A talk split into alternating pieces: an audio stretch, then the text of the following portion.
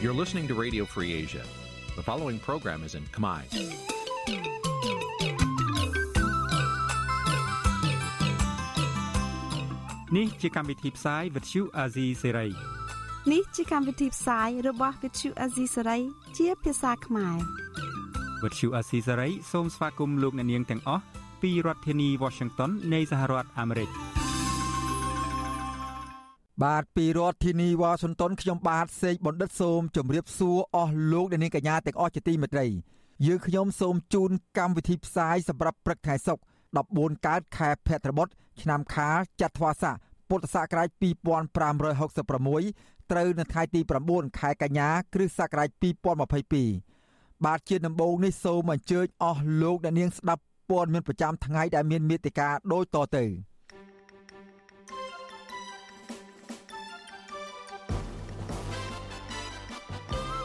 អង្គការអន្តរជាតិមួយរកឃើញថារដ្ឋាភិបាលកុម្មុយនីចិនកំពុងពង្រីកឥទ្ធិពលទៅលើប្រព័ន្ធផ្សព្វផ្សាយជាសកលលោកសខេងទទូចឲ្យស្ថាប័នពាក់ព័ន្ធជួយដោះស្រាយបញ្ហាជួញដូរមនុស្សនិងការលាងលុយកខ្វក់មេធាវីថាការរិះគន់របស់លោកសុនឆៃពីបញ្ហាបោះឆ្នោតគឺជាសិទ្ធិបញ្ចេញមតិ សង្គមស៊ីវិលរិះគន់អាជ្ញាធរច្រកព្រំដែនខេត្តបន្ទាយមានជ័យរឿងទារប្រាក់ឆ្លងដែនខុសច្បាប់រួមនឹងព័ត៌មានសំខាន់សំខាន់មួយចំនួនទៀតជាបន្តទៅទៀតនេះខ្ញុំបាទសេកបណ្ឌិតសូមជូនព័ត៌មានពិស្ដាបាទលោកនាងកញ្ញាជាទីមេត្រី អង្គការឃ្លាំមើលសេរីភាពពិភពលោកហៅថា Freedom House រកឃើញថា រដ្ឋាភិបាលកុម្មុយនីចិនកំពុងពង្រីកឥទ្ធិពលទៅលើប្រព័ន្ធផ្សព្វផ្សាយជាសកល ការរកឃើញនេះត្រូវបានផ្សព្វផ្សាយនៅក្នុងរបាយការណ៍មួយដែលទើបនឹងចេញផ្សាយដោយអង្គការនេះដោយដាក់ចំណងជើងថាឥទ្ធិពលរបស់ក្រុងប៉េកាំងទៅលើប្រព័ន្ធផ្សព្វផ្សាយជាសកល ការពង្រីកឥទ្ធិពលនៃរបបផ្ដាច់ការ និងភាពធន់ស្របនៃអំណាចប្រជាធិបតេយ្យ អង្គការនេះបានសិក្សាលើស្ថានភាពប្រព័ន្ធផ្សព្វផ្សាយនៅក្នុងប្រទេសគោលដៅចំនួន30នៅលើសកលលោក ដោយពុំមានរាប់បញ្ចូលកម្ពុជានោះទេ ក្នុងរយៈពេលចាប់ពីខែមករាឆ្នាំ2019ដល់ខែធ្នូឆ្នាំ2021អង្គការឃ្លាំមើលសេរីភាពពិភពលោកប្រទេសនិងដែនដីចំនួន18កំពុងទទួលរងនឹងការពង្រីកឥទ្ធិពលកម្រិតខ្ពស់ឬខ្ពស់បំផុតផ្នែកប្រព័ន្ធផ្សព្វផ្សាយពីសំណាក់រដ្ឋាភិបាលកុម្មុយនីចិន ប្រទេសទាំងនោះរួមមានសហរដ្ឋអាមេរិកចក្រភពអង់គ្លេសអូស្ត្រាលី និងកោះតៃវ៉ាន់ជាដើមរបាយការណ៍រកឃើញថាគណៈបកកុម្មុយនីចិន និងភ្នាក់ងាររបស់ខ្លួន កំពុងប្រើប្រាស់នៅយុទ្ធសាស្ត្រវិធីបែបបង្ខិតបង្ខំនិងមានលក្ខណៈស្មុគស្មាញកាន់តែខ្លាំងឡើងខ្លាំងឡើង ដើម្បីឲ្យមានឥទ្ធិពលទៅលើសារព័ត៌មាននានាដែលប្រព័ន្ធផ្សព្វផ្សាយយកមកចុះផ្សាយនិងដាក់សម្ពាធមិនឲ្យមានការរាយការណ៍ព័ត៌មាន បែបរិះគន់ទៅលើប្រទេសចិនយុទ្ធវិធីបែបបង្ខិតបង្ខំទាំងនោះរួមមានដូចជា ការឃោសនាដោយរដ្ឋអំណាចចិន បញ្ជ្រាបចូលទៅក្នុងប្រព័ន្ធផ្សព្វផ្សាយបរទេសយុទ្ធនាការផ្សព្វផ្សាយព័ត៌មានមិនពិត ការរឹតបន្តឹងសិទ្ធិសេរីភាពនៃការផ្សព្វផ្សាយព័ត៌មាន ការចែកចាយខ្លឹមសារព័ត៌មានដោយក្រុមហ៊ុនទូរគមនាគមន៍គ្រប់គ្រងដោយរដ្ឋអំណាចចិន និងការនាំចេញនៅទម្រង់ឬ model ដែលគ្រប់គ្រងព័ត៌មានរបស់បកគមនិចចិនទៅប្រទេសដទៃរបាយការណ៍របស់អង្គការឃ្លាំមើលសេរីភាពពិភពលោករកឃើញដែរថាលទ្ធភាពរបស់ក្រមប្រទេសនិយមប្រជាធិបតេយ្យនៅក្នុងការប្រឆាំងទៅនឹងឥទ្ធិពលមកលើប្រព័ន្ធផ្សព្វផ្សាយរបស់បកកុម្មុយចិនមានលក្ខណៈមិនសូវស៊ីសង្វាក់គ្នាគួរឲ្យព្រួយបារម្ភ អង្គការឃ្លាំមើលសេរីភាពពិភពលោកផ្ដល់អនុសាសន៍ថាដើម្បីឲ្យលទ្ធិប្រជាធិបតេយ្យមានភាពធន់ស៊ាំយូរអង្វែងតទៅមុខទៀតបាននោះចាំបាច់ត្រូវមានការឆ្លើយតបដែលមានលក្ខណៈព្រមព្រំគ្នារវាងរដ្ឋាភិបាល អង្គភាពព័ត៌មាន សង្គមស៊ីវិលនិងក្រុមហ៊ុនបច្ចេកវិទ្យាជាដើមទោះបីជាកម្ពុជាមិនស្ថិតនៅក្នុងចំណោមក្រុមប្រទេសគោលដៅនៃការសិក្សាអំពីឥទ្ធិពលរបស់បកកុម្មុយនីចិនមកលើប្រព័ន្ធផ្សព្វផ្សាយនៅក្នុងប្រទេសនេះយ៉ាងណាក្តី ក៏រយៈពេលចុងក្រោយនេះប្រព័ន្ធផ្សព្វផ្សាយគ្រប់គ្រងដោយរដ្ឋអំណាចចិន បានពង្រីកឥទ្ធិពលរបស់ខ្លួនចូលទៅក្នុងសង្គមកម្ពុជា និងកំពុងរីកដុះដាលដោយផ្សិតគួរឲ្យកត់សម្គាល់ជាក់ស្ដែងការបង្កើតសមាគមអ្នកកាសែតកម្ពុជាចិន ការផ្សព្វផ្សាយព័ត៌មានជាភាសាចិនដោយសារព័ត៌មាននៅក្នុងស្រុកមួយចំនួន កិច្ចសហប្រតិបត្តិការរវាងក្រុមហ៊ុនចិន និងក្រសួងមហាផ្ទៃកម្ពុជាឲ្យបង្កើតស្ថានីយ៍ទូរទស្សន៍ដែលមានឈ្មោះថា Night TV ក្នុងបរិវេណក្រសួងមហាផ្ទៃ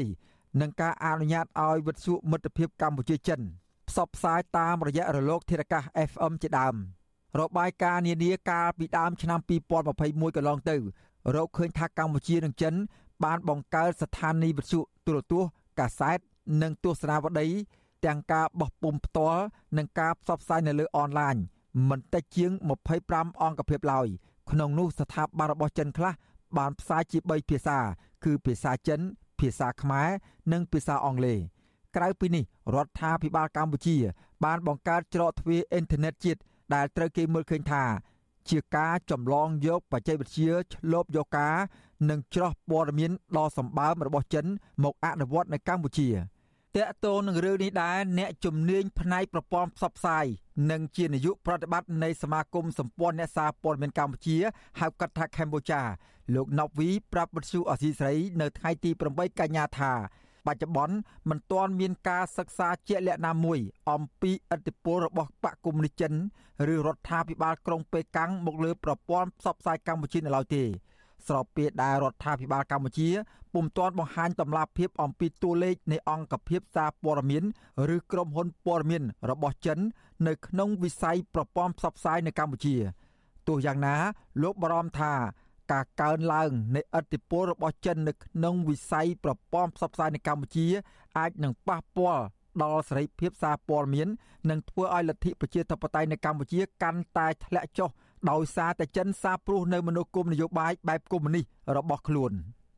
អតិពលនយោបាយចិនហើយនយោបាយចិនចិនជាប្រទេសកុម្មុយនីសចឹងខ្ញុំជឿថាការផ្សព្វផ្សាយរបស់ពួកគាត់ខ្ញុំគិតថាវានឹងមិនមិនមានទំនោរនៅក្នុងការ ផ្សព្វផ្សាយដើម្បីលើកកម្ពស់សេរីភាពបញ្ចេញមតិលើកកម្ពស់សិទ្ធិមនុស្សឬមួយក៏លើកកម្ពស់នៅដែលលទ្ធិប្រជាធិបតេយ្យទេពីព្រោះអធិពលឬមួយក៏នយោបាយចិនជានយោបាយកុម្មុយនីសចឹងគាត់ធ្វើមិនអាចផ្សព្វផ្សាយអំពីរឿងសិទ្ធិមនុស្សរឿងសេរីភាពបញ្ចេញមតិសេរីភាពសារព័ត៌មានឬប្រជាធិបតេយ្យហ្នឹងគឺជាអ្វីដែលយើងអាចដឹងកម្ពុជាជាប់លេខ142ក្នុងចំណោម180ប្រទេស ក្នុងសន្ទុះសេរីភាពព័ត៌មានប្រចាំឆ្នាំ2022របស់អង្គការអ្នករាយការណ៍ព័ត៌មានគ្មានព្រំដែនហៅថា Reporter Without Border ដែលមានន័យថាកម្ពុជានៅតែបន្តស្ថិតនៅក្នុងចំណោមក្រុមប្រទេសដែលមានសេរីភាពសារព័ត៌មានអាក្រក់និងរដ្ឋបិទខ្លាំងអង្គការឃ្លាំមើលសេរីភាពពិភពលោកចាត់ទុកកម្ពុជាថាជាប្រទេសមិនសេរី ក្នុងសន្ទុះសេរីភាពពិភពលោកឆ្នាំ2022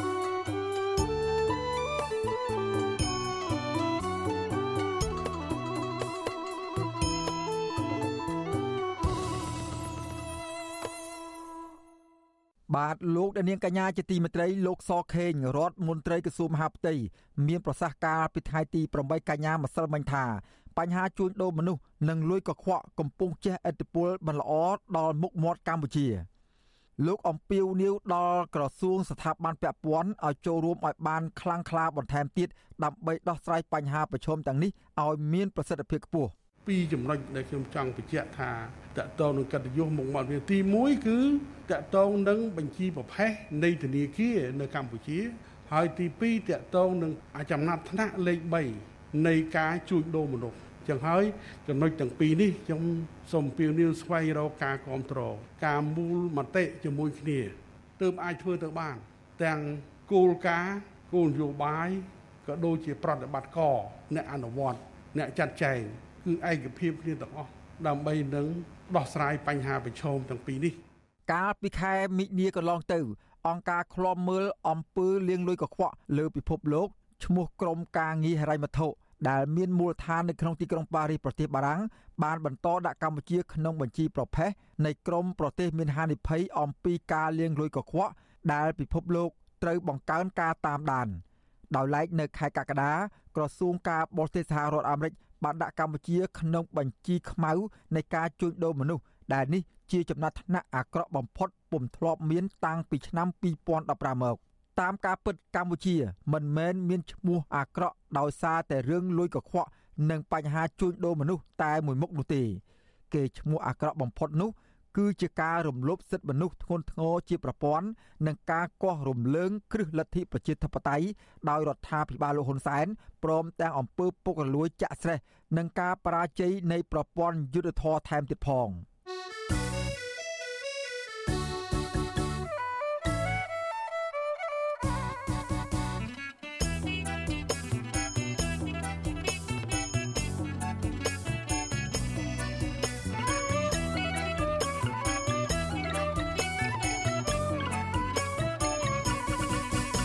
បាទលោកអ្នកនាងកញ្ញាជាទីមេត្រីពាក់ព័ន្ធនឹងសកម្មជននយោបាយដែលកំពុងជាប់ឃុំឃាំងវិញ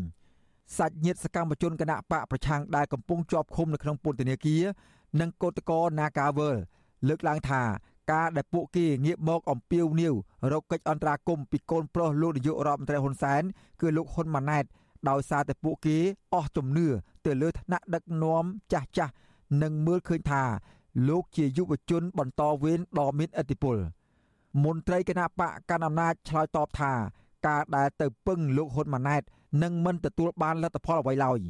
ក៏ប៉ុន្តែអ្នកខ្លំមើលស្ថានភាពសង្គមយល់ថាការស្វែងរកកិច្ចអន្តរាគមន៍បែបនេះនឹងមានដំណោះស្រាយប្រសិនបើលោកហ៊ុនម៉ាណែតលោកដៃជួយដល់ពួកគាត់បាទពីរដ្ឋធានីវ៉ាស៊ីនតោនលោកយ៉ងច័ន្ទដារារាយការណ៍ជុំវិញព័ត៌មាននេះមួយរយៈពេលចុងក្រោយនេះជនជាប់ឃុំនយោបាយនិងក្រុមកោតក្រ Nagawal បានងាកមកអំពាវនាវឲ្យលោកហ៊ុនម៉ាណែតជួយអន្តរាគមន៍ដោះលែងពួកគេនិងជួយដោះស្រាយវិវាទការងារជាមួយថៅកែក្រុមហ៊ុន Nagawal ជាបន្តបន្ទាប់បើទោះបីជាលោកហ៊ុនសែនកំពុងតែកាន់អំណាចដឹកនាំប្រទេសក្តីប្រពន្ធសកម្មជនគណៈបកសង្គ្រោះជាតិដែលកំពុងជាប់ឃុំលោកគង់ម៉ាស់គឺលោកស្រីកុលសាទប្រាប់វិទ្យុអាស៊ីសេរីនៅថ្ងៃទី8កញ្ញាថាប្តីរបស់លោកស្រីនឹងជន់ជាប់ឃុំនយោបាយមួយចំនួនទៀត សរសេរលិខិតសុំអន្តរាគមន៍ពីលោកហ៊ុនម៉ាណែតនោះគឺដោយសារតែពួកគាត់អស់ជំនឿទៅលើឋានៈដឹកនាំចាស់ចាស់ដែលបណ្ដោយឲ្យអាជ្ញាធរចាប់ពួកគាត់ដាក់ពន្ធនាគារដោយអយុត្តិធម៌ស្ត្រីវ័យ37ឆ្នាំរូបនេះជឿជាក់ថាស្ថានភាពនយោបាយសពថ្ងៃនេះមានតែលោកហ៊ុនម៉ាណែតទេដែលអាចដោះលែងអ្នកជាប់ឃុំនយោបាយឲ្យមានសេរីភាពបានដើម្បីស្ដារប្រជាធិបតេយ្យនៅកម្ពុជាវិញ ពីព្រោះលោកហ៊ុនម៉ាណែតគឺជាកូនប្រុសច្បងរបស់លោកនាយរដ្ឋមន្ត្រីហ៊ុនសែននិងជាអ្នកបន្តវេននៃគណៈបកកណ្ដាលអំណាចដ៏មានឥទ្ធិពលខ្ញុំគិតថាក្រៅពីគាត់ទៅគឺមានតែកូនរបស់គាត់ហ្នឹងហើយដែលអាចព្រោះអីអឺសប្ថ្ងៃការងារទូនាទីរបស់គាត់ហ្នឹងខ្ញុំគិតថា ទូទៅប្រហែលជាអត់មានអ្នកណាហ៊ានទូនាទីគឺគាត់នឹងធំជាលក្ខណៈថាអត់បាច់ទៅគឺមានតែគាត់នឹងហើយដែលជាមុខគេដែលការងាររឿងដូចជាសង្គ្រោះដូចជាទីទៀតគឺគាត់ប្រឹងអញ្ចឹងណាកាលពីចុងខែសីហាថ្មីថ្មីនេះសកម្មជនគណៈបកសង្គ្រោះជាតិដែលកំពុងជាប់ពន្ធនាគារព្រៃសររួមមានលោកគង់ម៉ាស់លោកអៀចាណា លោកវឿងសំណាង លោកទុំប៊ុនថននិងលោកហៅអ៊ូខុងបានផ្ញើលិខិតមួយច្បាប់ចេញពីពន្ធនាគារព្រៃសរជូនកូនប្រុសច្បងលោកហ៊ុនសែនគឺលោកហ៊ុនម៉ាណែតតាមរយៈមន្ត្រីអគ្គនាយកដ្ឋានពន្ធនាគារលិខិតនោះលើកឡើងថាប្រសិនបើលោកហ៊ុនម៉ាណែត ដែលជាបេក្ខជននាយករដ្ឋមន្ត្រីមកពីគណៈបកប្រជាជនកម្ពុជាមិនដោះស្រាយបញ្ហានយោបាយនោះឲ្យបានត្រឹមត្រូវនិងមិនដោះលែងអ្នកទោសនយោបាយទាំងអស់ឲ្យមានសេរីភាពវិញទេនោះបង្ហាញថាការបោះឆ្នោតខាងមុខនេះប្រព្រឹត្តទៅដោយមិនស្មើភាពគ្នាចំណែកកោតក្រក្រុមហ៊ុនបនលបែងកាស៊ីណូ Naga World កញ្ញាផុនករណាវិញកញ្ញាថ្លែងថាវិវាទការងារមួយនេះបានអូសបន្លាយពេលជាង8ខែមកហើយប៉ុន្តែគ្មានដំណោះស្រាយនោះទេ ហេតុដូច្នេះហើយទើបបានជាពួកកញ្ញាងាកមកអំពាវនាវរកកិច្ចអន្តរាគមន៍ពីលោកហ៊ុនម៉ាណែតវិញម្ដងស្ត្រីដែលតែងតែរងការប្រើអំពើហិង្សាពីសំណាក់អាជ្ញាធរនៅក្នុងពេលតវ៉ារកដំណោះស្រាយវិវាទការងារនេះមើលឃើញថាលោកហ៊ុនម៉ាណែតអាចជួយដោះស្រាយបញ្ចប់វិវាទការងាររបស់ពួកគាត់បានពីព្រោះលោកគឺជាយុវជនបន្តវេននៃគណៈបកប្រជាជនកម្ពុជាអាយដាមហ៊ុនម៉ាណែតក៏ជាបេក្ខជន ក៏ឈ្មោះជានាយករដ្ឋមន្ត្រីទៅថ្ងៃមុខពួកយើងគ្រាន់តែចង់ឲ្យគាត់ជួយក្នុងនាមគាត់ជាអាណាព្យាបាលឬក៏ជាឪពុកម្ដាយយើងអញ្ចឹងណាបងតែគាត់ថានេះជាការគិតរបស់ពួកយើងបើពួកយើងធ្លាប់ដាក់ញត្តិទៅ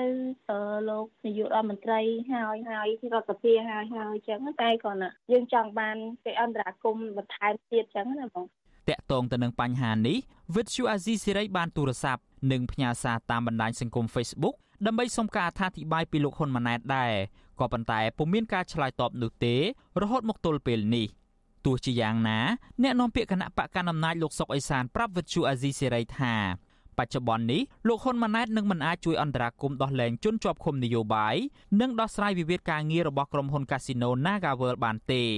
ពីព្រោះលោកថាលោកហ៊ុនម៉ាណែតពុំមែនជានាយករដ្ឋមន្ត្រីហើយក៏គ្មានតំណែងដែលត្រូវដោះស្រាយបញ្ហានេះដែរ ចំពោះការដែលអស់ជំនឿទៅលើថ្នាក់ដឹកនាំចាស់ចាស់នោះវិញលោកសុកអេសានថ្លែងថានេះគឺជាការយល់ខុសបើគាត់និយាយបង្គាំត្រអានឹងខ្ញុំស្វាគមន៍ព្រោះត្រូវអានឹងគេឲ្យតែចូលចំហដូចគ្នាក៏ប៉ុន្តែដើម្បីគ្រប់គ្រងដើម្បីផលប្រយោជន៍ខុសច្បាប់អានឹងទៅអត់រួចទេឯកឧត្តមក៏មិនអាចដោះស្រាយជូនដោយខុសច្បាប់បានដែរជុំវិញរឿងនេះប្រធានសហភាពសហជីពកម្ពុជា និងជាតំណាងក្រុមប្រឹក្សាខ្លំមើលកម្ពុជា លោករងឈុនមើលឃើញថា ការអំពាវនាវរកអន្តរាគមរបស់សាច់ញាតិជនជាប់ឃុំនយោបាយនិងកោតក្រ Nagawal នេះគឺបង្ហាញថាពួកគាត់លែងគ្រប់គ្រងឋានៈដឹកនាំចាស់ចាស់នៃគណៈបកកណ្ដាលអំណាចពីព្រោះអ្នកទាំងនោះមិនបានជួយដោះស្រាយទុក្ខលំបាករបស់ពួកគាត់លោកបន្តថាការអំពាវនាវរបស់ជនជាប់ឃុំនិងកោតក្រ Nagawal នឹងមានដំណោះស្រាយប្រសិនបើលោកហ៊ុនម៉ាណែតលោកដៃជួយដល់ពួកគាត់នោះដើម្បីការលើកស្វែងរកការគ្រប់គ្រង បង្ហាញសាធារណជនឯកភាពនយោបាយរដ្ឋមន្ត្រីថ្មីចេះធ្វើការងារអីក៏បាក់យ៉ាងជាងវានឹងអាចទៅរួចដែរហើយចំពោះអ្នកដែលនិយាយថាបេក្ខភាពនាយករដ្ឋមន្ត្រីមិនមានសមត្ថភាពមិនមានអំណាចអីចាត់ចែងអីហ្នឹងអាហ្នឹងមានន័យថាហាក់បីដូចកំពុងតែមើលងាយវាយប្រហារបេក្ខភាពនាយករដ្ឋមន្ត្រីខ្លួនឯងហើយ លោកនាយករដ្ឋមន្ត្រីហ៊ុនសែនជាញឹកញយបានប្រកាសបន្តពង្រឹងអំណាចនិងគាំទ្រកូនប្រុសច្បងរបស់លោកពេញទំហឹងឲ្យស្នងតំណែងជានាយករដ្ឋមន្ត្រីបន្តពីលោកថ្មីថ្មីនេះលោកក៏បានប្រកាសជំហរឲ្យកូននិងចៅរបស់លោកបន្តតំណែងនាយករដ្ឋមន្ត្រីតជំនាន់តទៅទៀតនៅក្នុងផែនការផ្ទេរអំណាចតវងត្រកូលនេះសមាជិកគណៈបកប្រជាជនកម្ពុជារបស់លោកហ៊ុនសែនបានសម្រេចជាឯកច្ឆ័ន្ទឲ្យលោកហ៊ុនម៉ាណែតធ្វើជាបេក្ខជននាយករដ្ឋមន្ត្រីសម្រាប់ថ្ងៃអនាគត កាលពីចុងខែធ្នូឆ្នាំ2021ទោះជាយ៉ាងណាទន្ទឹមនឹងការស្នើសុំអន្តរាគមន៍ពីលោកហ៊ុនម៉ាណែតនេះអ្នកខ្លាំមើលបញ្ហាកម្ពុជា លើកទឹកចិត្តដល់ប្រជាពលរដ្ឋនិងសាច់ញាតិអ្នកជាប់ឃុំនយោបាយព្រមទាំងក្រុមកោតក្រ Nagawal ឲ្យខំប្រឹងតស៊ូធ្វើសកម្មភាពរបស់ខ្លួនឲ្យបានកាន់តែខ្លាំងក្លាបន្ថែមទៀតដើម្បីទទួលបានជោគជ័យនៅពេលខាងមុខខ្ញុំយ៉ងច័ន្ទដារាវិទ្យុអាស៊ីសេរីរាយការណ៍ពីរដ្ឋធានី Washington បាទចំពោះរឿងរ៉ាវរបស់មេដឹកនាំជាន់ខ្ពស់នៃគណៈបកភ្លើងទៀនវិញមេធាវីការពីក្តីឲ្យអនុប្រធានគណៈបកភ្លើងទៀនយល់ឃើញថាអ្វីដែលកូនក្តីរបស់ខ្លួនរិះគន់អំពីបញ្ហាបោះឆ្នោតនោះគឺជាសិទ្ធិបញ្ចេញមតិមិនមែនជាការបរិហាគេឡើយមេធាវីលើកឡើងដូចនេះខណៈដែលសាលាដំបងរាជធានីភ្នំពេញគ្រោងបើកសវនាការជំនុំជម្រះក្តីលោកសុនឆៃពីបទបរិហាគេជាសាធារណៈនៅចុងខែកញ្ញាខាងមុខ សំណុំរឿងបទបរហាគេជាសាធារណៈដែលគណៈបកកណ្ដាលអំណាចនិងគោចបជាដើមម្ដងនោះនឹងត្រូវតុលាការលើកយកទៅកាត់ក្តីក្នុងថ្ងៃទី29ខែកញ្ញាខាងមុខនេះសំណុំរឿងទាំងពីរនេះនឹងត្រូវកាត់ក្តីក្នុងថ្ងៃតែមួយតែពេលវេលាខុសគ្នា គឺធ្វើឡើងមុនក្រោយគ្នាប៉ុណ្ណោះមេធាវីការពីក្តីលោកសុនឆៃគឺលោកមេធាវីជូជូងីឲ្យវិទ្យុអសីស្រីដឹងនៅថ្ងៃទី8ខែកញ្ញាថា កូនក្តីរបស់លោកនឹងចូលរួមនៅក្នុងសវនាការនេះតាមការបរិច្ឆេទរបស់តុលាការលោកមេធាវីក៏ត្រៀមខ្លួនរួចហើយដែរដើម្បីជួយការពារក្តីលោកសុនឆៃលោកមេធាវីជួងជងីរំពឹងថាតុលាការនឹងរកឃើញថាការបញ្ចេញទស្សនៈរបស់កូនក្តីរបស់លោករឿងរិះគន់បញ្ហាបោះឆ្នោត ជាសិទ្ធិបញ្ចេញមតិដែលមិនមែនជាការបរិហាគេជាសាធារណៈដោយការចោទប្រកាន់របស់ដើមបណ្ដឹងនោះឡើយ។ យើងថាមកថាឯករាជ្យបានថាបានប៉ុន្តែការពិតគណៈបកជារឿងមនុស្សទៅធ្វើកោជបគឺដើម្បីបម្រើប្រយោជន៍បកមិនមែនរឿងទៅដើម្បីប្រយោជន៍បកផ្សេងមិនមែនអញ្ចឹងទេអញ្ចឹងចង់បានកោជបឯករាជ្យចង់ឲ្យមានការបោះឆ្នោតត្រឹមត្រូវយុត្តិធម៌អ្វីដែលដែលឯកឧត្តមសុនឆៃតវ៉ាតាមបណ្ដាញសង្គមក្តីតាមសារព័ត៌មានតាមពុទ្ធអីទៅគូគូបំណងចង់អញ្ចឹងមិនមែនជាទៅបរិហាគេណាណាគឺអត់ទេតែអ្វីដែលគាត់លើកកន្លងមកហ្នឹងគឺផ្អែកទៅលើលទ្ធផលដែលគណៈបកភ្លើងទៀនរកឃើញក៏ដូចជាគណៈបកផ្សេងផ្សេងមួយចំនួនទៀតនិងអង្គការសង្គមស៊ីវិលមួយចំនួនដែលរកឃើញបានវិទ្យុអសីស្រីនៅពុំទាន់អាចសុំការបំភ្លឺបន្ថែមពីអនុប្រធានគណៈបកភ្លើងទៀនលោកសុនឆៃនិងប្រធានលេខាធិការដ្ឋានសាលាដំបងរាជធានីភ្នំពេញលោកអ៊ីរិនបាននៅឡើយទេនៅថ្ងៃទី8ខែកញ្ញាចំណែកភាគីដើមបណ្ដឹងសំណុំរឿងនេះវិញគឺអ្នកនាំពាក្យគណៈកម្មាធិការជ្រៀបចំការបោះឆ្នោតហៅកាត់ថាគោចប លោកហងពុធានិយាយយ៉ាងខ្លីថា សំណុំរឿងនេះបានទៅដល់តុលាការហើយគឺទុកឲ្យតុលាការជាអ្នកវិនិច្ឆ័យទៅចុះរីឯភាគីដើមម្ដងមួយទៀតគឺអ្នកនាំពាក្យគណៈបកប្រជាជនកម្ពុជាលោកសុកអេសាន នៅតែរក្សាជំហរមិនដកពាក្យបណ្ដឹងទេគឺទុកឲ្យតុលាការធ្វើការងារតាមនីតិវិធីរបស់ខ្លួន អ្នកនាំពាក្យគណៈបកកណ្ដាលអំណាចរូបនេះចោទប្រកាន់ថាលោកសុនឆៃ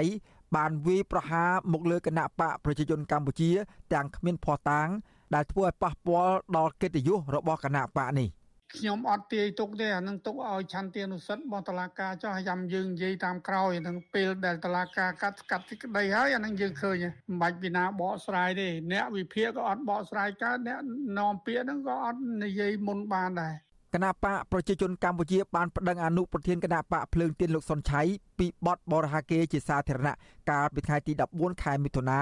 និងទាមទារសំណងជំងឺចិត្តជាលុយ1លានដុល្លារដោយគ្នានេះដែរគណៈកម្មាធិការជ្រៀបចំការបោះឆ្នោតហៅកាត់ថាគោជបដែលមេដឹកនាំស្ថាប័ននេះមានទំនាក់ទំនងជិតស្និទ្ធជាមួយនឹងគណៈបកកណ្ដាលអំណាចក៏បានដាក់ពាក្យប្តឹងលោកសុនឆៃពីបទបរិហាកេដូចគ្នានេះដែរនិងទាមទារឲ្យលោកសុនឆៃ ធ្វើលិខិតសុំទោសជាសាធារណៈបណ្ដឹងទាំងពីរកើតឡើងក្រោយពេលដែលលោកសុនឆៃផ្ដល់បទសម្ភាសក្នុងកម្មវិធីផ្សាយរបស់សារព័ត៌មាន Cambodia Daily ដែលលោកបានរិះគន់ការបោះឆ្នោតឃុំសង្កាត់អាណត្តិទី5កន្លងទៅ ថាមានការបំផិតបំភ័យប្រជាពលរដ្ឋនិងមិនឆ្លុះបញ្ចាំងពីឆន្ទៈប្រជាពលរដ្ឋជាដើមនាយកទទួលបន្ទុកកិច្ចការទូតនៃអង្គការលីកាដូលោកអំសំអាត សង្កេតឃើញថាចាប់តាំងពីមានការប្តឹងលោកសុនឆៃគឺមានការរិះគន់ជាបន្តបន្ទាប់ ថាធ្វើឲ្យប៉ះពាល់ដល់ដំណើរការនៃការបោះឆ្នោត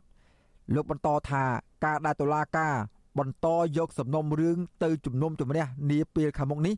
នឹងប្រឈមការរិះគន់បន្ថែមទៀត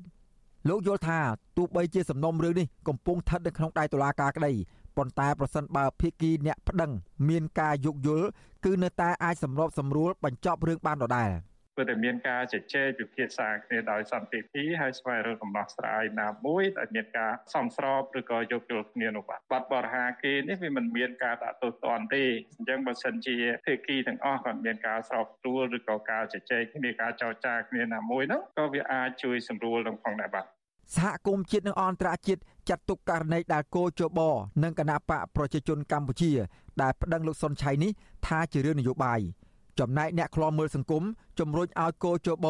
គួរខិតខំកែលម្អនៅចំណុចខ្វះខាតរបស់ខ្លួនជាជាងការប្តឹងអ្នករិះគន់អំពីបញ្ហាការបោះឆ្នោតគណៈស្ថាប័នរៀបចំការបោះឆ្នោតនេះត្រូវបានអ្នកសង្កេតការពិសេសអង្គការសហប្រជាជាតិជំរុញឲ្យមានការកែប្រែក្បាលម៉ាស៊ីនដឹកនាំស្ថាប័នកោជបនេះឲ្យស្ថិតនៅឆ្ងាយពីគណៈបកនយោបាយខ្ញុំបាទសេកបណ្ឌិតវិទ្យុអាស៊ីសេរីពីរដ្ឋធានីវ៉ាស៊ីនតោន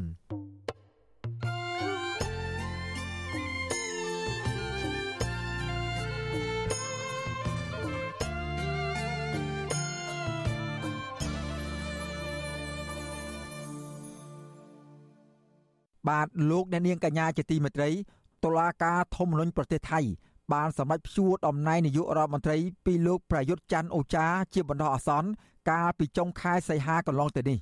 ដោយលោកមិនហ៊ានជំទាស់អ្វីឡើយខុសពីនៅកម្ពុជា ដែលលោកនាយករដ្ឋមន្ត្រីហ៊ុនសែនដែលធ្លាប់បានចាញ់ការបោះឆ្នោតហើយនៅតែក្រាញននៀលមិនព្រមប្រគល់អំណាចទៅឲ្យគណៈបកដែលឈ្នះឆ្នោតតើមូលហេតុអ្វីបានជាតុលាការធម្មនុញ្ញថៃ មានអធិបុល បាទសូមលោកនាងរងចាំស្ដាប់និងចូលរួមវេទិកាអ្នកស្ដាប់វិទ្យុអាស៊ីសេរីនៅយប់ថ្ងៃសុក្រនេះកុំបីខានប្រសិនបើលោកនាងចង់ចូលរួមសួរសំណួរទៅកាន់វាលខ្មៅរបស់យើងឬចង់បញ្ចេញមតិយោបល់ដោយផ្ទាល់នោះសូមលោកនាងដាក់លេខទូរស័ព្ទនៅក្នុងខ្ទង់ comment ឬប្រអប់សារ Facebook និង YouTube របស់វិទ្យុអាស៊ីសេរីក្រុមការងារយើងនឹងហៅត្រឡប់ទៅលោកអ្នកវិញ បាទសូមអរគុណ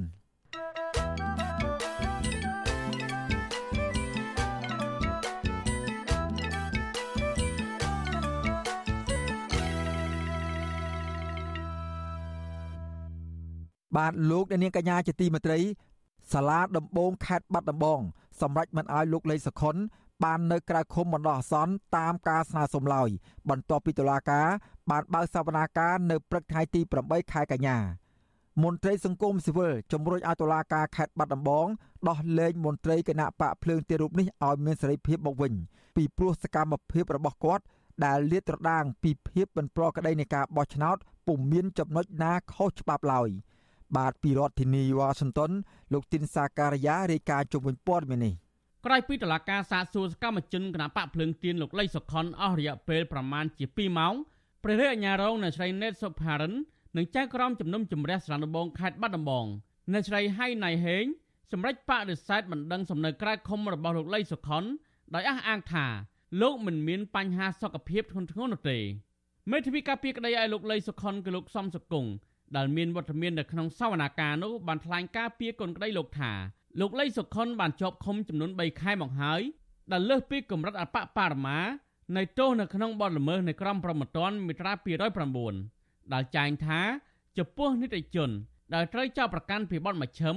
ការឃុំខ្លួនមិនអាចលើសពី4ខែបានទេប៉ុន្តែនៅពេលផុតធរវេលានេះ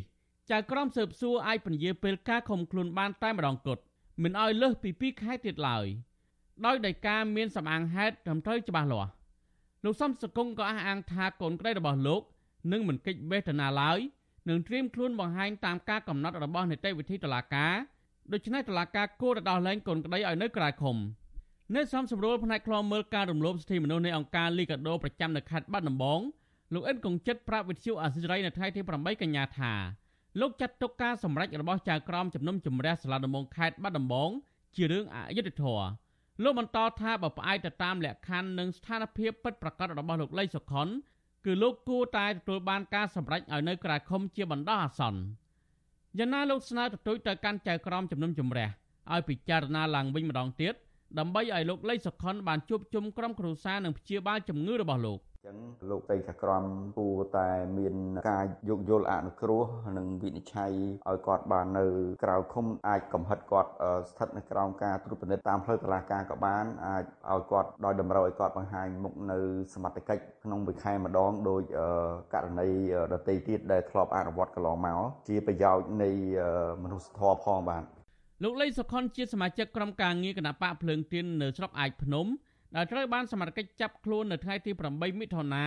នៅហាងកាហ្វេមួយកន្លែងនៅក្រុងបាត់ដំបងដែលចោទពីបទរំលោភលំនៅឋាន បន្ទាប់ពីលោកថតវីដេអូក្រុមមន្ត្រីបកកណ្ដាលអំណាចអង្គុយកត់ឈ្មោះបរដ្ឋនៅថ្ងៃបោះឆ្នោតក្រុមប្រឹក្សាឃុំសង្កាត់ប៉ុន្តែដើមមិនដឹងដល់ប្តឹងលោកលីសុខុនមិនមែនជាម្ចាស់ផ្ទះនោះឡើយវីដេអូឃ្លីបខ្លីមួយដែលបង្ហោះជាសាធារណៈកន្លងមក បានបង្ហាញឲ្យឃើញយ៉ាងច្បាស់ថាលោកលីសុខុនមិនបានបង្កអំពើហិង្សាមានកលល្បិច ឬមិនបានធ្វើការគម្រិតកំហែងណាមួយដើម្បីចូលទៅក្នុងលំនៅឋាននោះទេសកម្មជនគណបកភ្លើងទៀនរូបនេះគ្រាន់ដើរតាមផ្លូវសាធារណៈដើម្បីល្បាតនិងឃ្លាំមើលភាពមិនប្រក្រតីនៅក្នុងពេលបោះឆ្នោតនិងថតរូបទុកជាភស្តុតាងឲ្យកោជបទៅតាមទូនាទីរបស់លោកជាអ្នកសង្កេតការនៅពេលបោះឆ្នោតតែប៉ុណ្ណោះលើសពីនេះដើមបណ្ដឹងក៏បានយល់ព្រមដកពាក្យបណ្ដឹងវិញដែរដោយដើមបណ្ដឹងចាត់ទុកថាជារឿងតូចតាច ប៉ុន្តែតុលាការនៅតែបន្តនីតិវិធីចោទប្រកាន់និងឃុំខ្លួនលោកលីសុខុនដដែលកាលពីថ្ងៃទី24សីហាតុលាការខេត្តបាត់ដំបងក៏បានប្រកាសសាលក្រមដោយសម្រេចបង្វែរសំណុំរឿងនេះឲ្យធ្វើការស៊ើបអង្កេតបន្ថែមទៀតឡើងវិញក្រោមហេតុផលថា មានភាពចាំបាច់ត្រូវស្រាវជ្រាវជាថ្មីដោយសារម្ចាស់ផ្ទះឈ្មោះសុកលីមមិនបានចូលរួមសវនាការកាលពីថ្ងៃទី11សីហាព្រោះលោកទៅធ្វើជាពលករនៅឯប្រទេសថៃ ក្រុមគ្រួសាររបស់លោកលីសុខុននិងមន្ត្រីសិទ្ធិមនុស្សយល់ថាតឡាការរកមិនឃើញកំហុសលោកលីសុខុនឡើយប៉ុន្តែតឡាការនៅតែយកលេសបន្តឃុំខ្លួនលោកដោយគ្មានការកំណត់ដោយប្រើវិធីរុញសំណុំរឿងនេះទៅស៊ើបអង្កេតឡើងវិញគិតមកទល់ពេលនេះលោកលីសុខុនជាប់ពន្ធនាគារអស់រយៈពេល3ខែមកហើយគណៈមន្ត្រីអង្គការសង្គមស៊ីវិលនៃវិភាគនិងមន្ត្រីបកភ្លើងទៀនចាត់ទុកថានីតិវិធីរបស់តុលាការនៅក្នុងករណីនេះ ពាក់ព័ន្ធនឹងរឿងនយោបាយជាជាងការអនុវត្តនីតិវិធីតាមផ្លូវច្បាប់ខ្ញុំទីនសាការីយ៉ាអស៊ីសេរីប្រធានីវ៉ាស៊ីនតោនបាទលោកអ្នកនាងកញ្ញាជាទីមេត្រី សកម្មជនបរិស្ថាន ប្រពន្ធសកម្មជនគណៈបកសង្គ្រោះជាតិនិងមន្ត្រីអង្គការសង្គមស៊ីវិលបានលើកឡើងថាថ្នាក់ដឹកនាំរដ្ឋាភិបាលគួរពិចារណានៅក្នុងការធ្វើបន់ទៀនដោយបន្ធូរបន្ថយស្ថានភាពនយោបាយដោះស្រាយបញ្ហាដីធ្លី បញ្ហាបរិស្ថាន នៅក្នុងរដូវបុណ្យភ្ជុំបិណ្ឌនាពេលខាងមុខនេះពួកគាត់យល់ឃើញថាការខ្លាចបាប គឺជាគោលការណ៍គ្រឹះដែលអាចនាំឲ្យថ្នាក់ដឹកនាំរដ្ឋាភិបាល មានការអធិស្ឋាននិងអាចនាំឲ្យមានការដោះលែងដល់សកម្មជននយោបាយក្នុងពេលខាងមុខបាទពីរដ្ឋធានីវ៉ាស៊ីនតោនលោកមានរិទ្ធមានសេចក្តីរាយការណ៍ជុំវិញព័ត៌មាននេះព្រះសង្ឃសកម្មជនបរិស្ថាន និងមន្ត្រីសង្គមស៊ីវិលថ្លែងថាការមិនបានគិតគូរពីបនបាប គឺជាកត្តាសំខាន់មួយដែលបណ្ដាលឲ្យមានបញ្ហារំលោភសិទ្ធិមនុស្សនិងបញ្ហាបំផ្លិចបំផ្លាញបរិស្ថានផ្សេងៗតែងតែកើតមានឡើងមិនចេះចំមិនចេះហើយនៅក្នុងសង្គមកម្ពុជាព្រះចៅអធិការវត្តប្រាសាទស្រះកណ្ដាលខ្ចាស់នៅខេត្តបន្ទាយមានជ័យ ព្រះដេចគុណច័ន្ទសុជន មានថេរដីកាថានៅពេលដែលពលរដ្ឋជាពិសេសថ្នាក់ដឹកនាំរដ្ឋាភិបាលមិនចេះខ្លាចបុណ្យខ្លាចបាបនោះទេនោះនឹងនាំឲ្យសង្គមបាត់បង់នូវកិត្តិយសនិងបណ្ដាលឲ្យកើតមាននៅបញ្ហាមិនចេះចប់មិនចេះហើយព្រះដេចគុណមានថេរដីកាថាអ្នកដឹកនាំគប្បីរក្សានូវគុណធម៌ក្នុងខ្លួនឲ្យបានខ្ពស់ដើម្បីបន្សល់កេរ្តិ៍ឈ្មោះល្អដល់មនុស្សចំនួនក្រោយ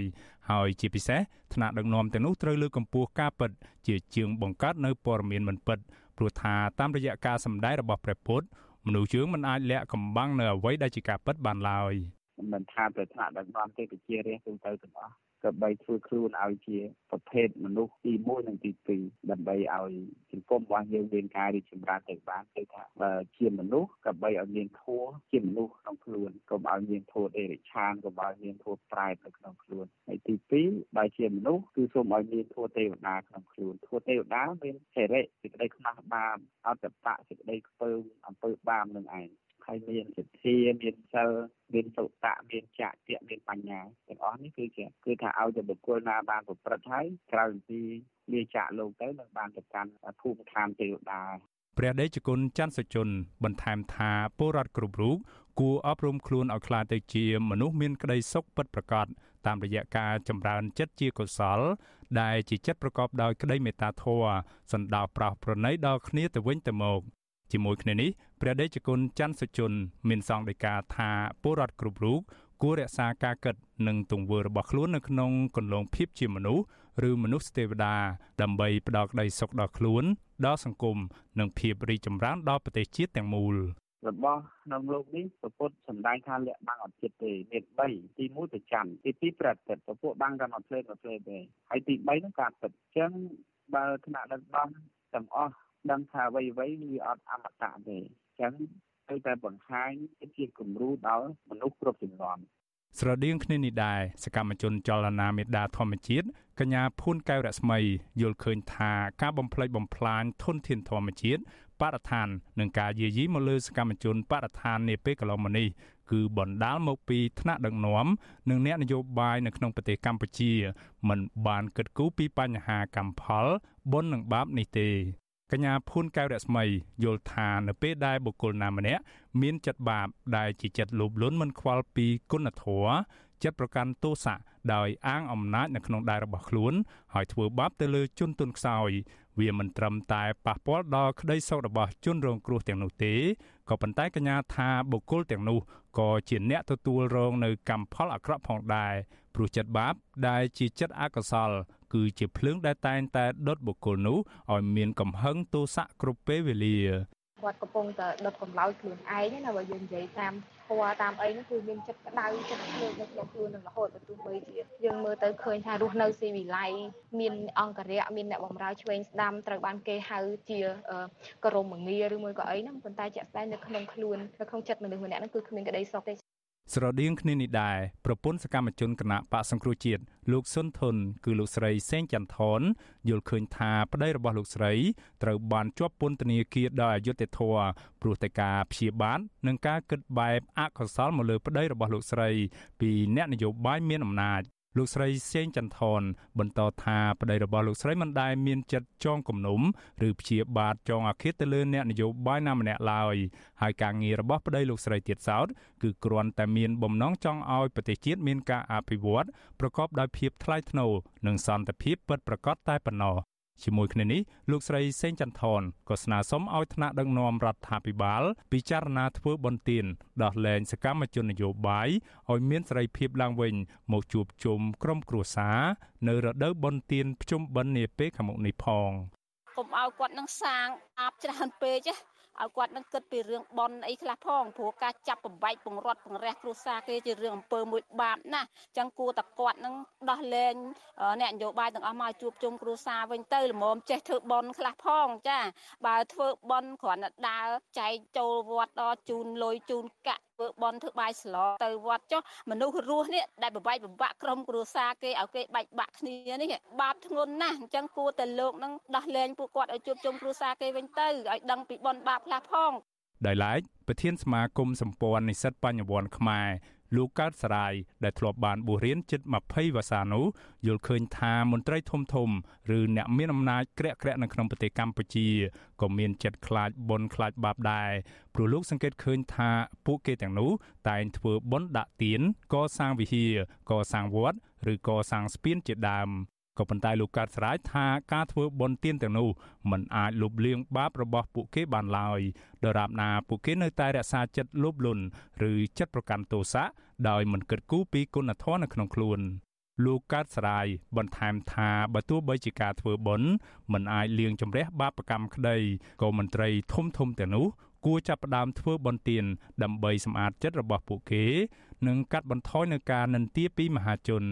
កម្មដែលតន់ភ្នែកហ្នឹងយើងមើលឃើញហើយត្រូវបានប្រជាពលរដ្ឋនិន្ទា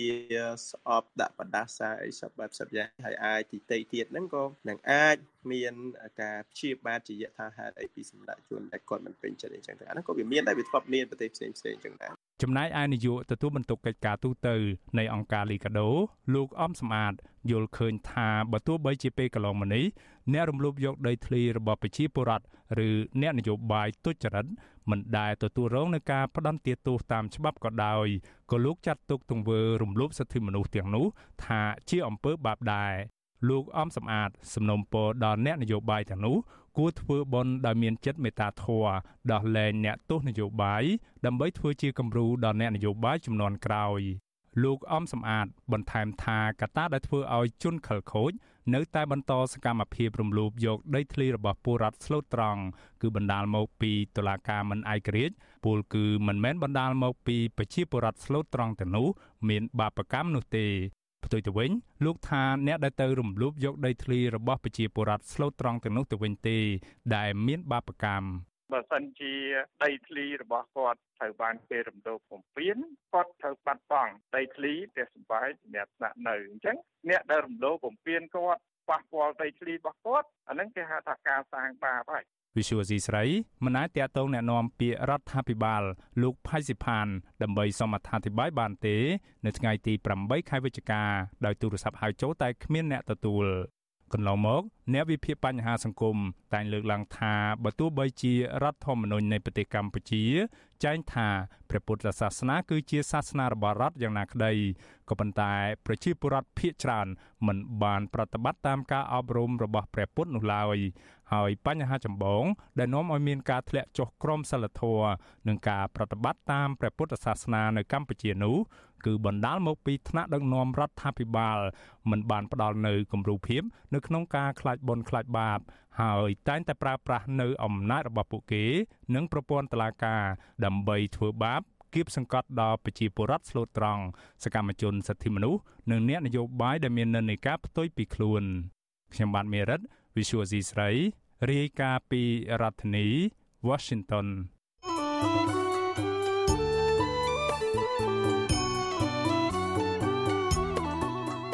បាទលោកនាងកញ្ញាជាទីមេត្រីវិទ្យុអាស៊ីសេរីក្រៅពីផ្សាយតាមបណ្ដាញសង្គម Facebook និង YouTube នោះក៏មានផ្សាយដំណើរគ្នាតាមរយៈរលក ធាតុអាកាសខ្លីឬ Shortwave ដូចតទៅនេះដែរនៅពេលព្រឹកចាប់ពីម៉ោង5កន្លះដល់ម៉ោង6កន្លះតាមរយៈរលក ធាតុអាកាសខ្លី12140 kHz ស្មើនឹងកម្ពស់ 25m និង13715 kHz ស្មើនឹងកម្ពស់ 22m ពេលយប់ចាប់ពីម៉ោង7កន្លះដល់ម៉ោង8កន្លះតាមរយៈរលក ធាតុអាកាសខ្លី9960 kHz ស្មើនឹងកម្ពស់ 30m 12140 kHz ស្មើនឹងកម្ពស់ 25m និង11885 kHz ស្មើនឹងកម្ពស់ 25m បាទសូមអរគុណ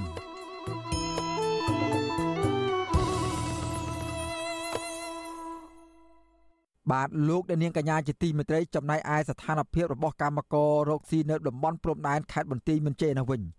បាទកម្មករអូរទេស និងសង្គមស៊ីវិលរិះគន់អាជ្ញាធរខេត្តតាមព្រំដែនពាក់ព័ន្ធនឹងរឿងពលរដ្ឋឆ្លងព្រំដែននិងកម្មករអូរទេស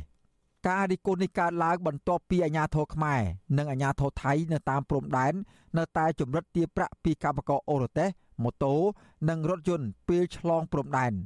សង្គមស៊ីវិលចាត់ទុកការយកប្រាក់ពីពលរដ្ឋដោយគ្មានវិក័យប័ត្រនោះ ថាជាអំពើពុករលួយ បាទពីរដ្ឋធានីវ៉ាស៊ីនតោនលោកសនចានរដ្ឋារាយការណ៍ជុំវិញព័ត៌មាននេះកម្មករអូរ៉ូទេសនិងសង្គមស៊ីវិលលើឡានថាញាធរទាំងថៃនិងខ្មែរនៅច្រកព្រំដែនខេមរទីមន្ជ័យនៅតែបន្តចម្រិតទារប្រាក់ពីប្រជាពលរដ្ឋនៅពេលឆ្លងកាត់ព្រំដែនរាល់ថ្ងៃដោយមិនបានជិញវិក័យប័ត្រហើយថាវិការទៅនោះក៏មិនបានដាក់ចូលថាវិការជានោះទេ អញ្ញាធរខ្មែរទៀមទាក្នុងការធ្វើឯកសារឆ្លងព្រំដែនដែលប្រើបានឆ្លងដែននឹងការរើលើតែចិញ្ចូលចំណាយប្រាក់ចំនួន90បាតឬប្រមាណ11000រៀលក្នុងមួយជើងចំណែកម៉ូតូមួយគ្រឿងត្រូវបង់ប្រាក់10000រៀលហើយឡានត្រូវបង់20000រៀលសម្រាប់ចេញចូលរយៈពេល7ថ្ងៃ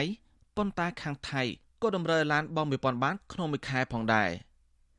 កម្មការនីអរទេសច្រកប៉ោយប៉ែតលោកស្រីសូតចនាប្រាវិទ្យាអេស៊ីសរ៉ៃថ្ងៃទី8កញ្ញាថាលោកស្រីចំណាយប្រាក់ច្រើន ក្នុងការឆ្លងកាត់ព្រំដែនអស់90បាតឬស្មើនឹង3ដុល្លារក្នុងមួយជើងដោយចំណាយលើការវាយបានឆ្លងព្រំដែន50បាត ខាងគយ20បាត និងខាងថៃ20បាតឥឡូវគេឲ្យ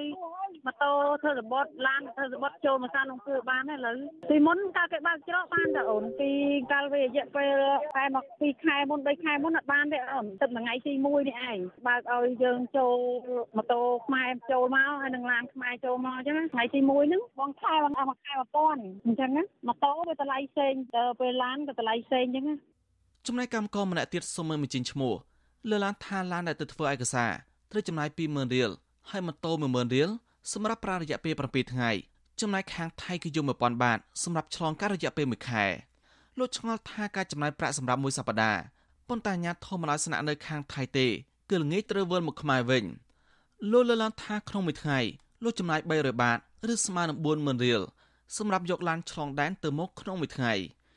លោកសង្ឃឹមថាក្រោយវិបត្តិច្រកទ្វារអន្តរជាតិវិញនឹងមានជីវភាពធូរស្រាលជាងពេលវិបត្តិ COVID-19 ប៉ុន្តែលោកថាពិបាកជាងពេល COVID-19 ព្រោះចំណាយច្រើនជាងចំណូលឡានគេឡានរបស់ខ្មែរម៉ូតូម៉ូតូរបស់ខ្មែរអីបានទៅបងគោយនោះទៀត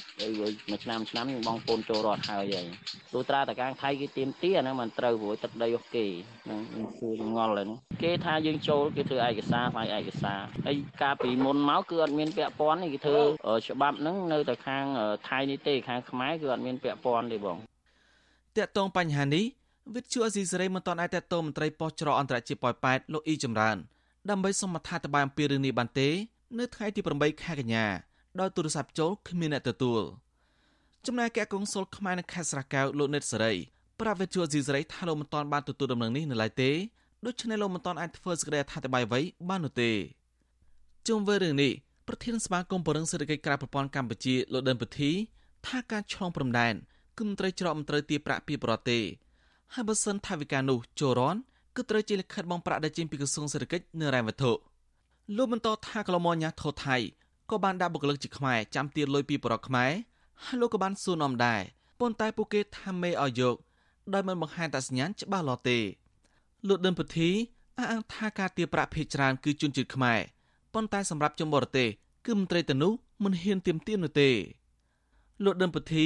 ក្រុមពិភាក្សាជាមួយកម្មករអរទេសនិងកម្មករ ដើម្បីដាក់ញត្តិទៅស្ថានទូតថៃនិងកាកុងស៊ុលខ្មែរប្រចាំប្រទេសថៃលោកបញ្ជាក់ថាបើសិននៅតែគ្មានដំណោះស្រាយ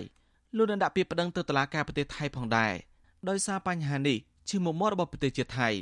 បងក្បាលឡាននេះវាខុសច្បាប់ទាំងស្រុងតែម្ដងបាទមានច្បាប់ណាចេញឲ្យបងឲ្យយកលុយហ្នឹងវាអត់មានទេស្រុកថៃក៏គេមិនឲ្យយកដែរគឺពិតទៅខាងខាងពលិះតទៅវាថៃហ្នឹងបាទត្រូវយកលុយតែម្ដងប៉ុន្តែវានៅតែចាប់ចម្រិតយកលុយគេទាំងម៉ូតូក្បាលម៉ូតូក្បាលឡានហ្នឹងមួយខែ1000បាតសូម្បីតែខ្ញុំចូលឡានទៅខ្ញុំបងរឿងគេ1000បាតហ្នឹងដែលមានវាសនានៃជនជាតិខ្មែរហ្នឹងអ្នកមកទាលុយដល់ពេលយើងទៅខ្ញុំសួរខ្ញុំសួរថារឿងអីបងរឿងអីបងថ្លៃអីគេវាថាមេឲ្យបងថាមេណាឈ្មោះអីវានិយាយថាមេដល់ពេលអញ្ចឹងយើងថាបងមេឲ្យចេញមុខមកហើយមានกระดาษស្នាមហើយចេញមុខមកថាមេអ្នកយកឈ្មោះអីហ្នឹងថាអត់អត់ដឹងឯមានមេមេហើយទៅទូទូអ្នកគ្រប់គ្រងហ្នឹងចឹងថាមេកងនៅប្រចាំការនៅច្រកហ្នឹងថាវាអត់ដឹងទេអត់រឿង1000បាតហ្នឹង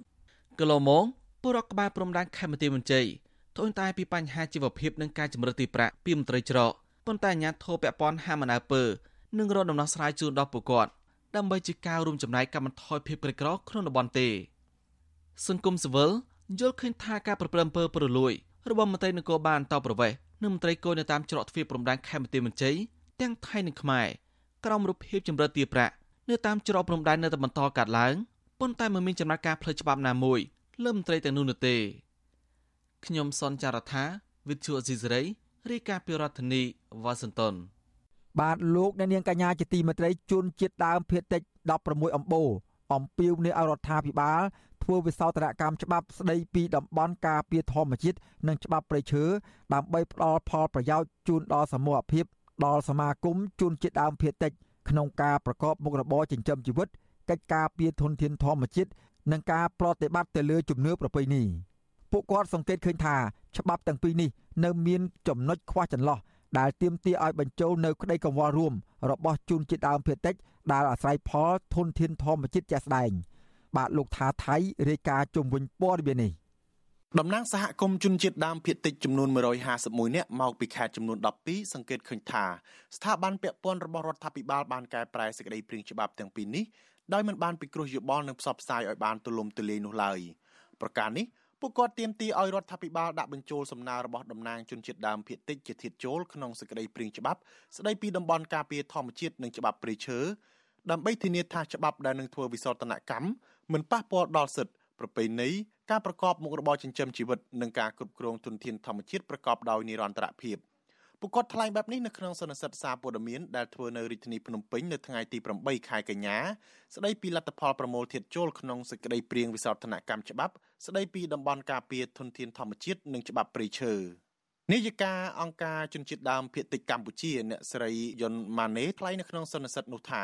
ច្បាប់ទាំងពីរនេះគឺពាក់ព័ន្ធដោយផ្ទាល់ដល់ជនជាតិដើមភាគតិចគ្រប់តំបន់នៅពេលអនុវត្តនៅមូលដ្ឋាន ជាពិសេសអត្តសញ្ញាណប្រពៃណីសេដ្ឋកិច្ចសង្គមនិងវប្បធម៌អ្នកស្រីសង្ឃឹមថាក្តីកង្វល់ទាំងឡាយរបស់ជនជាតិដើមភាគតិចក្រសួងស្ថាប័នពាក់ព័ន្ធនឹងរដ្ឋាភិបាលនឹងពិចារណាច្របាច់បញ្ចូលនៅក្នុងច្បាប់ទាំងនេះដើម្បីការពារផលប្រយោជន៍ជនជាតិដើមភាគតិចក្នុងការប្រើប្រាស់ដីសមូហភាពកិច្ចគាំពៀធនធានធម្មជាតិនិងការប្រតិបត្តិជំនឿសាសនាជាដើម ខ្ញុំសង្ឃឹមថាការធ្វើសន្និសីទសារព័ត៌មានថ្ងៃនេះគឺជាយន្តការមួយជួយបន្តសម្លេងអំពីតម្រូវការអំពីបញ្ហារបស់ពួកយើងខ្ញុំទៅដល់ក្រសួងទៅដល់អ្នកពាក់ព័ន្ធដៃគូអភិវឌ្ឍន៍ផ្សេងដើម្បីឲ្យយកចិត្តទុកដាក់បន្ថែមទៀតនៅក្នុងការដាក់បញ្ចូលជនជាតិដើមភាគតិចនៅក្នុងក្របខ័ណ្ឌនៃការអភិវឌ្ឍ សន្និសិទសារព័ត៌មាននេះមានការពិភាក្សាជាមួយតំណាងជនជាតិដើមភាគតិចចំនួន16អំបូររួមមានជនជាតិដើមភាគតិចភ្នងគួយស៊ួយក្រឹងទំពូនចារាយនិងកាវ៉ែតជាដើមជនជាតិដើមភាគតិចទាំងនោះមកពីខេត្តចំនួន12រួមមានខេត្តក្រចេះរតនគិរីមណ្ឌលគិរីស្ទឹងត្រែងពោធិ៍សាត់កោះកុងបន្ទាយមានជ័យនិងខេត្តមួយចំនួនទៀតតំណាងសហគមន៍ជនជាតិដើមភាគតិចភ្នំខេត្តមណ្ឌលគិរីលោកស្រីភ្លឹកភីរំសង្កេតឃើញថា កន្លងទៅច្បាប់ស្តីពីតំបន់ការពារធម្មជាតិនៅមិនទាន់មានការកំណត់តំបន់ស្នូលនិងតំបន់ប្រើប្រាស់ចេរភាពក្នុងព្រៃអភិរក្សឲ្យបានច្បាស់លាស់នៅឡើយទេបង្កឲ្យប៉ះពាល់ដល់សិទ្ធិជនជាតិដើមភាគតិចក្នុងការអាស្រ័យផលព្រៃឈើនិងការគោរពជំនឿសាសនាលោកស្រីសង្ឃឹមថារដ្ឋាភិបាលនឹងដាក់បញ្ចូលសំណើរបស់ជនជាតិដើមភាគតិចក្នុងការអភិវឌ្ឍគោលនយោបាយនិងច្បាប់ទាំងនេះដែលជនជាតិដើមភាគតិចកំពុងរស់នៅនិងប្រើប្រាស់ជាក់ស្ដែងដោយសារតែពេលវេលាដែលយើងដឹងពីការកែប្រែច្បាប់ហ្នឹងវាតិច ដល់ពេលយើងជួបគ្នានៅខេត្តមណ្ឌលគិរីម្ដងយើងក៏បានប្រមូលនិងពិភាក្សាជាមួយនឹងសហគមន៍ជនជាតិដើមភាគតិចនៅតាមខេត្តតាមសហគមន៍ជនជាតិដើមភាគតិចសម្រាប់ការកែប្រែច្បាប់ទាំងពីរនោះរួចហើយក៏យើងបានជួបជុំគ្នានៅខេត្តសៀមរាបវិទ្យុអាស៊ីសេរីមិនអាចតាក់ទងសុំការឆ្លើយបំភ្លឺជំវិញសេចក្តីព្រាងច្បាប់នេះពីប្រធានអង្គភិបអ្នកណែនាំពាក្យរដ្ឋាភិបាលលោកផៃស៊ីផានបាននៅឡើយទេនៅថ្ងៃទី8កញ្ញា ប៉ុន្តែតំណាងក្រសួងបរិស្ថានទទួលបន្ទុកកែប្រែច្បាប់ទាំងនេះបានថ្លែងប្រាប់ពួកគាត់ថាក្រសួងនឹងទទួលយកសំណុំពរនិងក្តីកង្វល់ទាំងឡាយរបស់ជនជាតិដើមភាគតិចទៅពិភាក្សានិងពិគ្រោះយោបល់ជាមួយមន្ត្រីជំនាញពាក់ព័ន្ធជំវិញរឿងនេះអ្នកនាំពាក្យរដ្ឋសភាលោកលេងពេញឡុងប្រាប់វិទ្យុអាស៊ីសេរីថា រដ្ឋសភានៅមិនទាន់ទទួលបានសេចក្តីព្រាងច្បាប់នេះដើម្បីពិនិត្យនិងអនុម័តនៅឡើយទេលោកបញ្ជាក់ថាសេចក្តីព្រាងច្បាប់នីមួយៗត្រូវឆ្លងកាត់សិក្ខាសាលានិងមតិសាធារណៈជាច្រើនដែលមតិយោបល់ទាំងឡាយនេះត្រូវពិភាក្សាជាមួយគណៈកម្មការហើយគណៈកម្មការជំនាញត្រូវរាយការណ៍ឆ្លងមតិយោបល់ពីរដ្ឋសភាមុននឹងសម្រេចអនុម័ត ពិភាក្សាយ៉ាងហោចណាស់ក៏ពិភាក្សានៅក្នុងគណៈកម្មការហើយគណៈកម្មការត្រូវរាយការណ៍ជូនសភាអំពីមតិទាំងអស់ហ្នឹងដើម្បីដាក់ជូន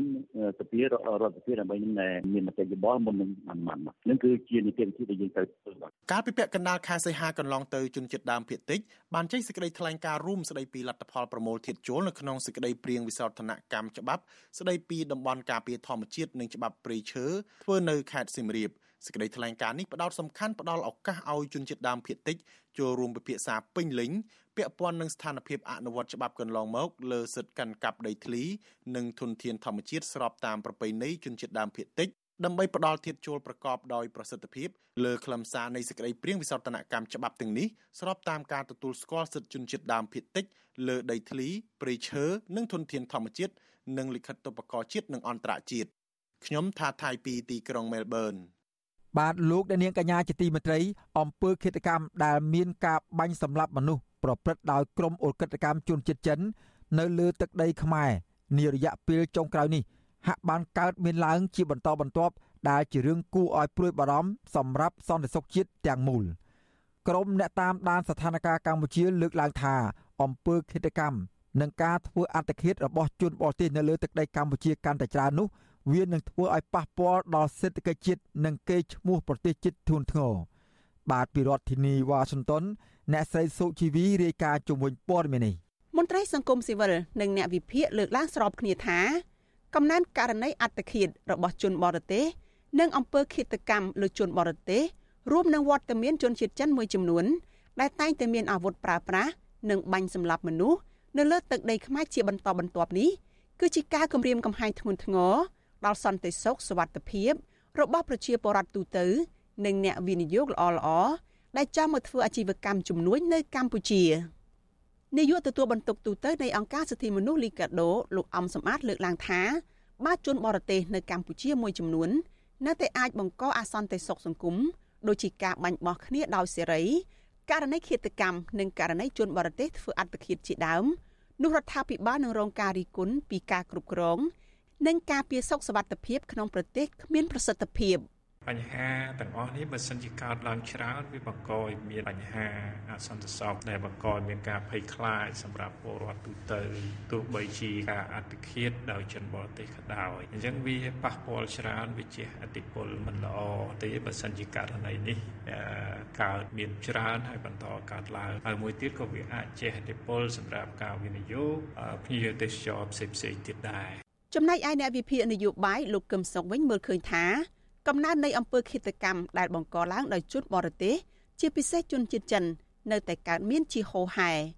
លោកថាករណីជនជាតិចិនអាចមានកំភ្លើងបាញ់សម្លាប់មនុស្សតាមអំពើចិត្តនៅកម្ពុជាដោយគ្មានអាជ្ញាធរណាស៊ើបអង្កេតឆ្លុះបញ្ចាំងឲ្យឃើញថារដ្ឋាភិបាលលោកហ៊ុនសែនកំពុងដឹកនាំប្រទេសដែលបណ្ដាលឲ្យជនបរទេសប្រព្រឹត្តបទឧក្រិដ្ឋឬធ្វើអាជីវកម្មខុសច្បាប់ដោយចំហ លោកសោកស្ដាយដែលកម្ពុជាជាប្រទេសមានធនធានធម្មជាតិនិងវប្បធម៌ល្អប្រពៃប៉ុន្តែបច្ចុប្បន្នคล้ายទៅជាទីតាំងសម្រាប់អ ுக ្រិតជនប្រព្រឹត្តបទល្មើសនិងធ្វើជំនួញមិនស្របច្បាប់តាមទំនឹងចិត្តទៅវិញពីព្រោះអំពើឃាតកម្មប្រភេទប្រហារគ្នាលោតសម្លាប់ខ្លួនពីលើអាគារមិនដឹងមូលហេតុ ហើយកាន់តែច្រើនឡើងមិនមែនមានន័យសមត្ថកិច្ចមិនដឹងការពិតនោះទេក៏ប៉ុន្តែ សមត្ថកិច្ចដឹងថាវាជាអំពើរបស់ពួក Mafia និយមហើយពួកនោះអាចមានឥទ្ធិពលធំទៅលើសមត្ថកិច្ចផងរឿងបែបហ្នឹងវាច្រើនតែកើតមានឡើង នៅ ក្នុងទឹកដីនៃតំបន់ Mafia និយមដូចជានៅម៉ាកាវជាដើមឆ្លើយតបនឹងការលើកឡើងនេះអ្នកនាំពាក្យគណៈកម្មាធិការសិទ្ធិមនុស្សរបស់រដ្ឋាភិបាលលោកកតាអូនប្រាប់វិទ្យុអាស៊ីសេរីថា រដ្ឋាភិបាលមិនចង់ឃើញរូបភាពអំពើឃាតកម្មឬអត្តឃាតរបស់ជនបរទេសនៅកម្ពុជាទេលោកថាការលើកឡើងនៅក្តីកង្វល់របស់មន្ត្រីសង្គមស៊ីវិលនិងអ្នកវិភាគគឺជារឿងមួយប៉ុន្តែទន្ទឹមគ្នានេះលោកអំពីវនៅដល់ភាគីពាក់ព័ន្ធថាត្រូវមានកិច្ចសហការល្អជាមួយសមត្ថកិច្ចប្រសិនបើបានដឹងតម្រុយថាជនបរទេសណា ដែលតែងតែបង្កអសន្តិសុខសង្គមនៅកម្ពុជា។ ដូច្នេះហើយអ្វីដែលសំខាន់គឺថារដ្ឋាភិបាលតែងតែអំពាវនាវបងប្អូនគ្រប់វិនិការគ្រប់សពទាំងអស់ឲ្យចូលរួមជាមួយសមត្ថកិច្ចនៅក្នុងការសហការគ្នាជាមួយសមត្ថកិច្ចនៅក្នុងយុទ្ធនាការប្រយុទ្ធប្រឆាំងចំពោះជនបរទេសដែលបង្កបាត់ល្មើសនៅកម្ពុជាក៏ដូចជាជនជាតិណាណាទាំងអស់ដែលបង្កបាត់ល្មើសនៅកម្ពុជានេះគឺជាបញ្ហារួមរបស់សង្គមដែលយើងទាំងអស់គ្នាត្រូវរួមគ្នានៅក្នុងការទប់ស្កាត់បាត់ល្មើសបាទទោះជាយ៉ាងណាក៏ដោយក្រមអក្រិតជនជនជាតិចិនមួយចំនួន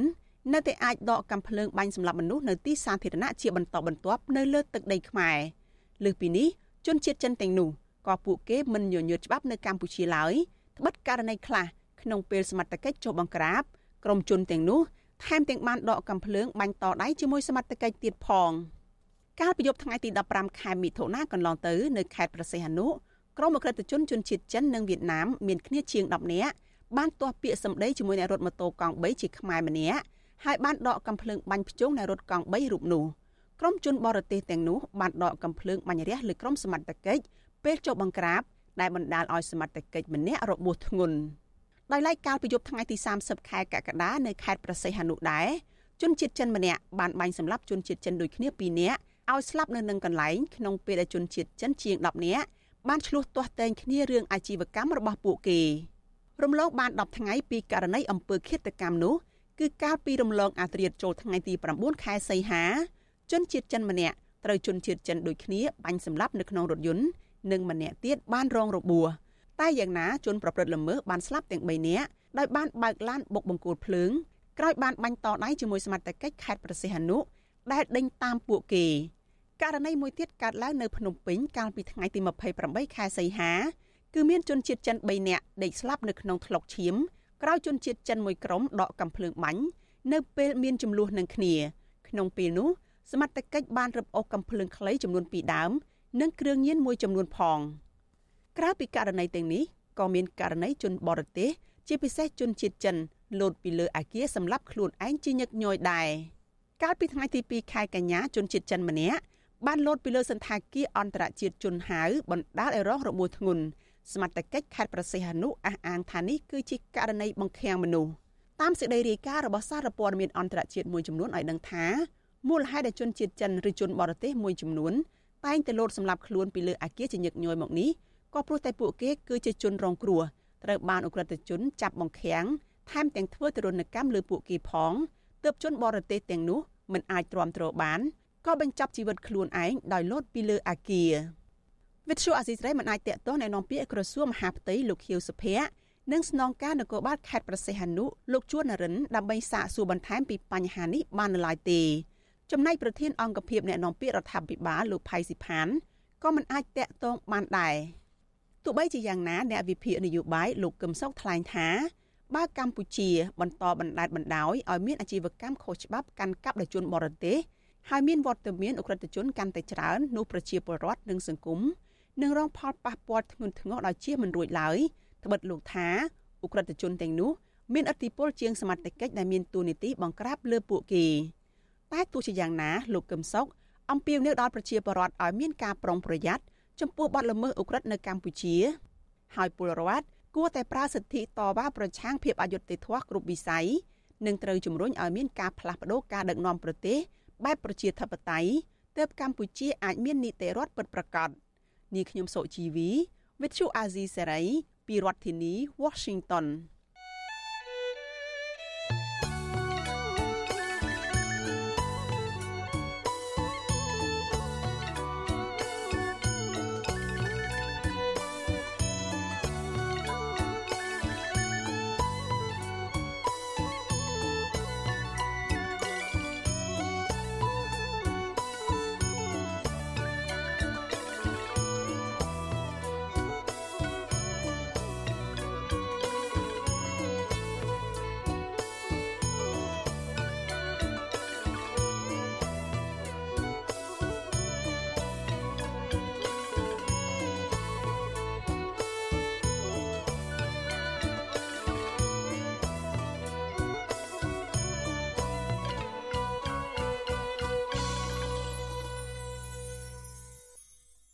បាទលោកអ្នកនាងកញ្ញាជាទីមេត្រី ការផ្សាយរយៈពេល1ម៉ោងរបស់វិទ្យុអាស៊ីសេរីសម្រាប់ព្រឹកនេះចប់តែប៉ុណ្ណេះយើងខ្ញុំសូមជូនពរដល់អស់លោកអ្នកនាងឲ្យជួបប្រកបតែនឹងសេចក្តីសុខចម្រើនរុងរឿងកំបីគ្លៀងគ្លាតឡើយខ្ញុំបាទសេកបណ្ឌិតព្រមទាំងក្រុមការងារទាំងអស់នៃវិទ្យុអាស៊ីសេរីសូមអរគុណនិងសូមជម្រាបលា